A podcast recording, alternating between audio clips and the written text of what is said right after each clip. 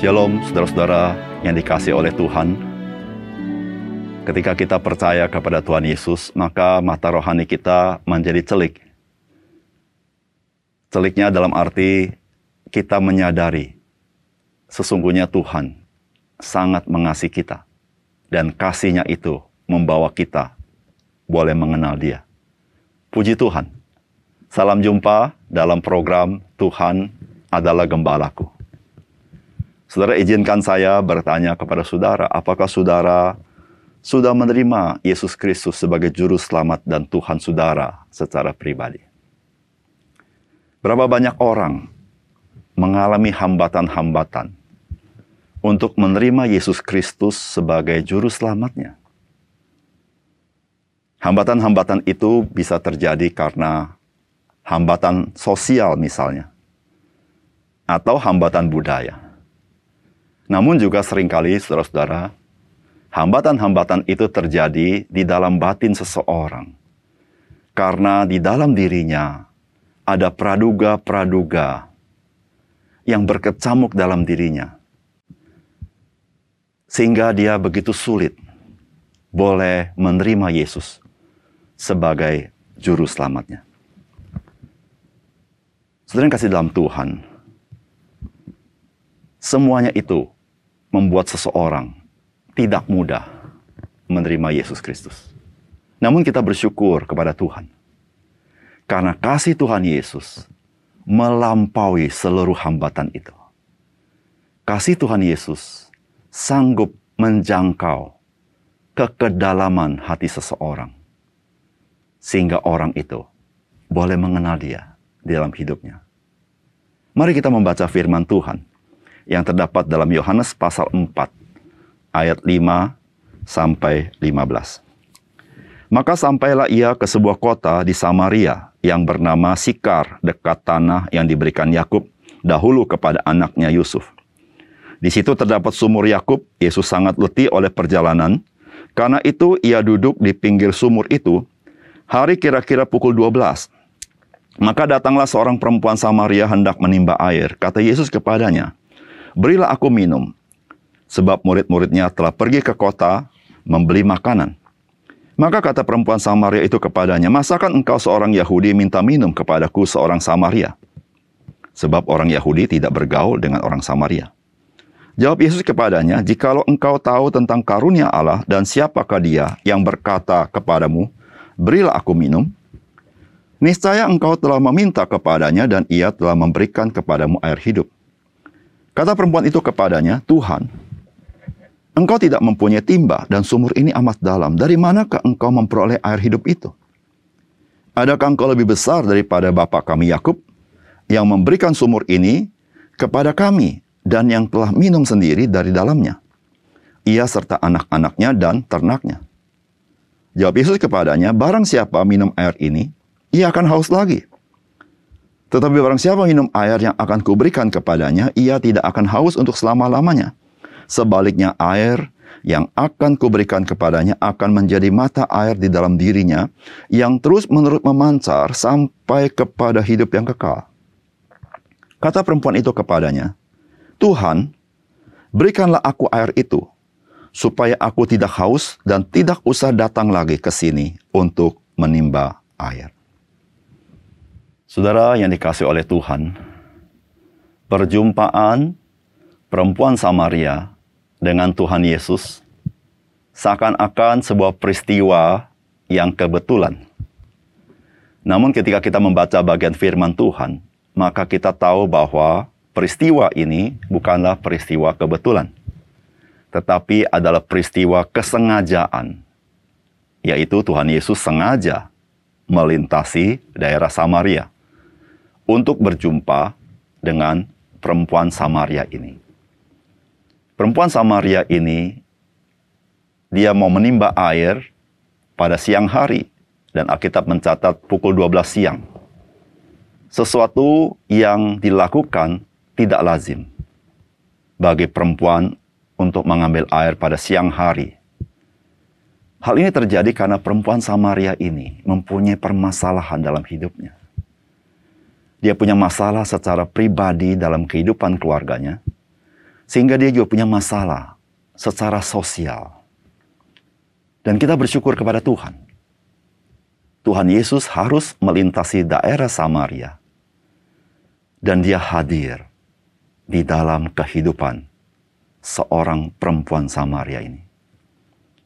Saudara yang kasih dalam Tuhan, bukankah peristiwa ini memberitahukan kepada kita bahwa dalam pergumulan-pergumulan kita, Tuhan Yesus sengaja menghampiri kita, hadir dalam pergumulan kita. Bukan saja dia hadir, dia mau terlibat dengan kita. Dia mau berbicara dengan kita. Sebagaimana dia berbicara kepada perempuan Samaria. Saudara, sudahkah saudara terbuka kepada kehadiran Tuhan Yesus dalam hidup saudara, apa pun pergumulan saudara. Mari kita mendapatkan pesan firman Tuhan dari bagian ini. Yang pertama, saudara permasalahan sosial sering kali membuat seseorang itu berpikir bahwa dia tidak memerlukan Tuhan Yesus. Saudara, Alkitab mengatakan begini di ayat 7 sampai dengan ayat yang ke-9. Maka datanglah seorang perempuan Samaria hendak menimba air. Kata Yesus kepadanya, berilah aku minum. Sebab murid-muridnya telah pergi ke kota membeli makanan. Maka kata perempuan Samaria itu kepadanya, Masakan engkau seorang Yahudi minta minum kepadaku, seorang Samaria?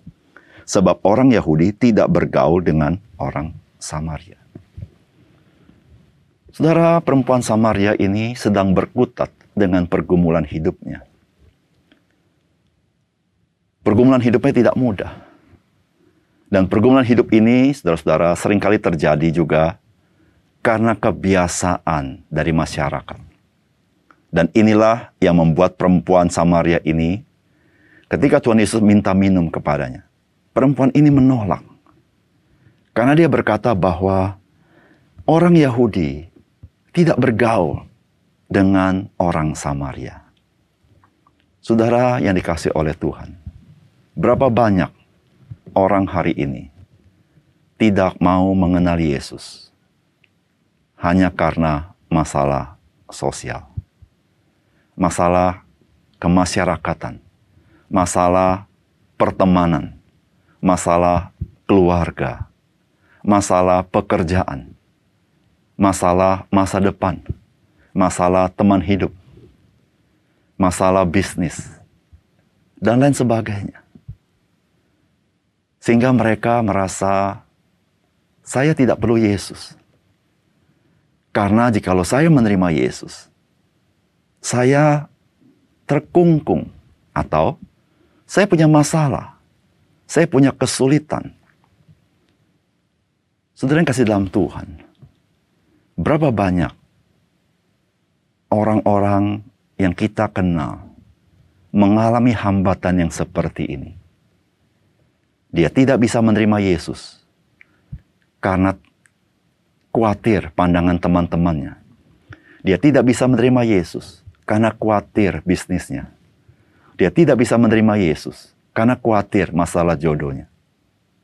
Saudara yang kasih dalam Tuhan, mengenal Yesus lebih daripada segala sesuatu yang kita khawatirkan itu.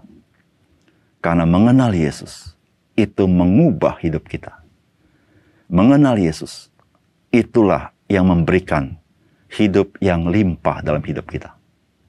Saudara, ketika seseorang belum mengenal Yesus, maka pada umumnya orang berpikir, mengenal Yesus dan tidak mengenal Yesus tidak mempengaruhi apa-apa dalam kehidupan batinnya dia.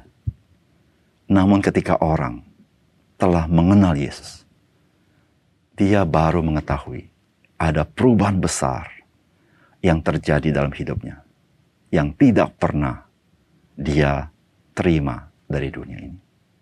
Oleh karena itu, saudara, mari kita mengatasi seluruh hambatan itu, dan mari kita menerima undangan Tuhan Yesus untuk kita datang kepadanya dan mengenal Dia. Yang kedua, Saudara firman Tuhan hari ini memberitahukan kepada kita. Banyak orang berpikir bahwa mereka itu dibutuhkan oleh Tuhan Yesus.